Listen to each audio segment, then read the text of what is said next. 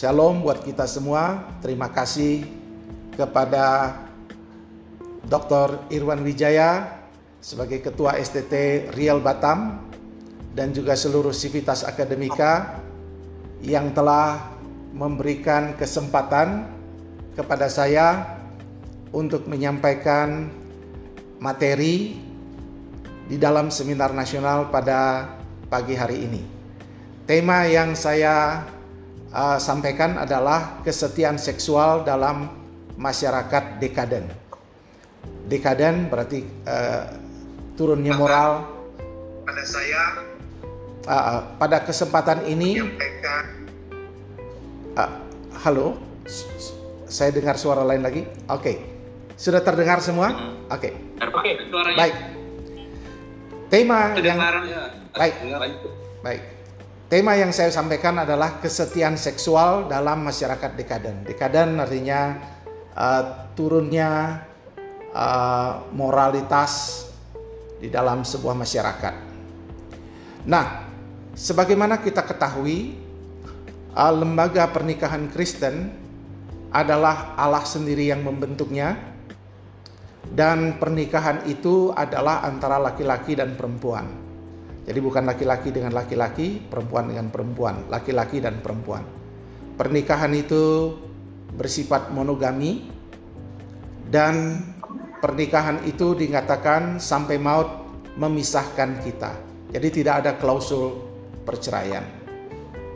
Selanjutnya, saya diminta untuk berbicara tentang bagaimana melihat kesetiaan seksual sebagai bagian penting dalam keluarga sebagaimana kita ketahui keluarga adalah alat di tangan Tuhan untuk menjadi kesaksian. Dan hari ini saya mau secara spesifik melihat tantangan seksual seksualitas yang dihadapi dalam pernikahan. Maka saya sudah menulis paper yang lengkap dan nanti bisa diakses. Dan secara khusus sekarang saya akan membahas bagaimana pernikahan itu menghadapi tantangan. Yang pertama tentu tantangan yang saya ambil dari catatan Alkitab. Saya secara singkat karena waktu hanya 15 menit untuk saya. Yang pertama tentu tantangan poligami, tantangan di mana kemudian ketidakmampuan memberikan keturunan menyebabkan mereka melakukan poligami juga, persinahan, percabulan, penyimpangan seksual, prostitusi, semua banyak catatan itu ada di Alkitab. Dan yang dalam paper saya, secara khusus saya membahas tentang persinahan, karena itu juga dipakai menggambarkan hubungan Allah dengan umatnya. Dan seorang penulis menggambarkan dengan jelas yang saya setuju pendapatnya. Kemudian yang mengambil Roma 5 termasuk Martin Lloyd Jones yang mengatakan bahwa kesetiaan kepada Allah akan berbanding lurus dengan kesetiaan dalam seksualitas. Tesis itu ada dalam paper saya, tetapi saya ingin memperlihatkan bahwa inilah tantangan yang ada dalam pernikahan dalam konteks kesetiaan seksual, seksualitas. Yang berikutnya, apa yang terjadi dalam sejarah gereja? Karena saya diminta untuk menyampaikan uh, bagaimana situasi gereja Kristen pada awalnya, baik di gereja mula-mula maupun pada zaman apostolik, pada zaman uh, bapak-bapak gereja. Nah, kita mengetahui bahwa gereja menghadapi permasalahan seks yang luar biasa di mana promiskuitas merajalela akibat dari pengaruh budaya Romawi dan sekitarnya. Kalau kita pelajari budaya-budaya Romawi dan budaya Romawi dan sekitarnya, kita akan mengerti ternyata semua perilaku seksualitas itu yang sangat bebas, promiskuitas itu sangat luar biasa. Mulai dari poligami, persinahan, percabulan, jual beli, perbudakan seks, pesta seks, homoseksual, perilaku homoseksual dan seterusnya, semuanya ada dalam catatan budaya budaya Roma kalau kita mempelajari tulisan-tulisan, gambar-gambar, catatan artefak-artefak dalam gereja pada sejarah gereja di gereja mula-mula itu. Nah, sebagai reaksi, ini saya saya ungkapkan secara general saja.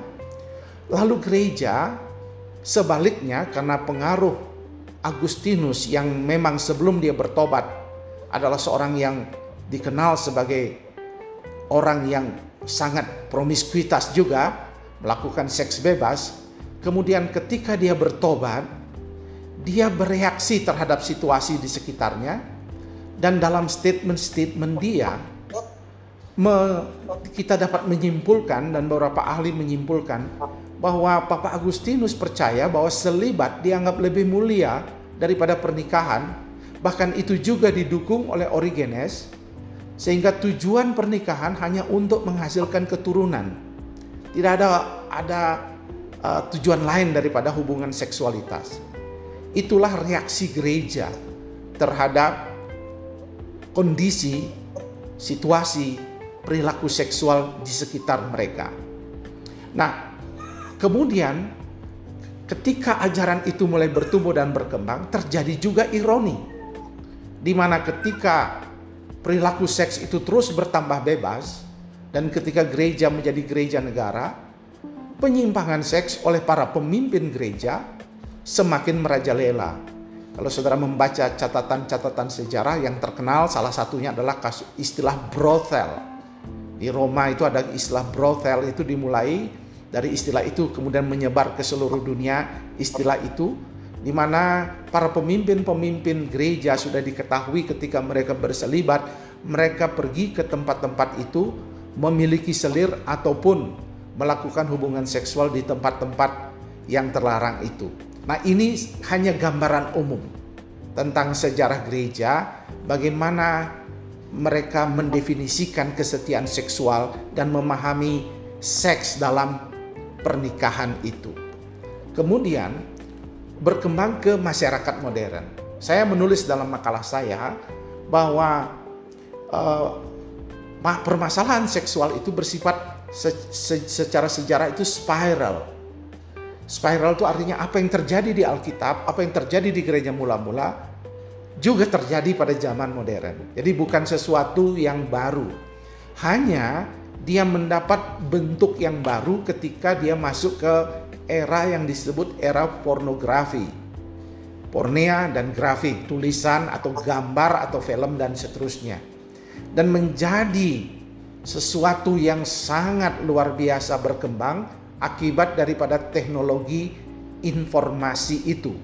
Sehingga um, penyimpangan seksual, perilaku seks bebas itu menjadi suatu tontonan, menjadi satu informasi yang sangat fenomenal, eh, menjadi sesuatu yang mengglobal, apalagi ditambah dengan peran media sosial. Nah, ini yang menyebabkan bertumbuh dan berkembangnya dan menyedihkannya kita menemukan fakta bahwa akses terhadap pornografi itu sudah sampai ke usia 7 sampai 8 tahun di Indonesia. Sangat mudah sekali. Mereka sudah mengakses informa uh, uh, pornografi akibat dari fenomena global ini. Nah, akhirnya masyarakat apa yang terjadi dengan hal-hal seperti ini? Akhirnya masyarakat menerima ini sebagai bagian yang biasa penyimpangan-penyimpangan seksual ini. Mulai dari hubungan sejenis dianggap biasa dalam tanda petik tentunya. Lalu mereka melakukan yang disebut multiple couples within marriage. Mereka biasa, mereka setia dalam pernikahan tapi tidak setia dalam kesetiaan seksual. Mereka melakukannya itu atas dasar pengetahuan bersama. Saya tidak akan menyebutkan contoh-contoh secara spesifik, tetapi ini menjadi fenomena yang sangat-sangat uh, global di dalam masyarakat kita, sehingga orang sudah mulai mengakui di depan publik mereka pernah melakukan pesta seksual dan tanpa malu mengakuinya artis-artis dan sebagainya. Dan itu berdampak dalam ilmu media komunikasi akan berdampak kemudian bagaimana hal itu masyarakat orang awam akan mulai tertarik untuk mencobanya. Nah, inilah yang terjadi dalam masyarakat modern kita. Nah, bagaimana sebenarnya peranan seksualitas dalam Alkitab? Dalam paper saya saya menyinggung, saya mengambil tulisan dari David Atkinson yang secara umum sudah sama ini men menjadi uh, common knowledge atau pengetahuan umum bagi mereka yang terjun dalam pelayanan keluarga, maka peranan seksualitas dalam Alkitab adalah tiga, prokreasi, keturunan, tetapi bukan tujuan itu berkat pernikahan keturunan, tapi menghasilkan keturunan, rekreasi, pleasure, untuk dinikmati dan dirayakan within marriage di dalam pernikahan. Rekreasi itu penting sekali itu yang hilang dalam sejarah gereja mula-mula akibat daripada reaksi para tokoh-tokoh gereja yang tidak melihat peran ini akibat dari uh, situasi konteks pada saat itu. Kita mau pulihkan itu. Rekreasi bagian penting yang ada juga di Alkitab. Lalu proklamasi sebagai kesaksian. Mereka membina keluarga dalam kekurangan dan kelebihan mereka. Mereka memproklamasikan diri mereka sebagai orang-orang percaya. Dan bagian akhir daripada uh, paper saya adalah bagaimana membangun kesetiaan seksualitas dalam masyarakat dekaden yang sedang menurun secara moralitas ini. Kita perlu secara intensional untuk menciptakan komunitas yang sehat bagi keluarga. Dan itulah yang harus kita bangun kita penting sekali yang saya sebut dengan dalam paper saya membangun nilai-nilai pernikahan. Uh, mimbar jangan hanya menyerang perilaku-perilaku seksualitas, tetapi gereja atau mimbar perlu membangun nilai nilai pernikahan. Ini yang perlu pembedaan antara fenomena, perilaku, dan nilai. Nilai inilah yang perlu dihidupkan dalam gereja. Dalam paper saya juga saya mengatakan pentingnya ada upaya rekindle, upaya-upaya retreat bersama yang dilakukan gereja untuk membangun pernikahan karena umumnya kita sepakati uh, kajian-kajian pastoral, kajian-kajian keluarga bahwa ini adalah sebuah proses pembentukan. Dia tidak terjadi dengan sendirinya. Sebuah proses yang harus diinisiasi oleh gereja. Lalu saya mengusulkan dalam paper saya, gereja harus menjadi promotor utama dalam pembinaan keluarga.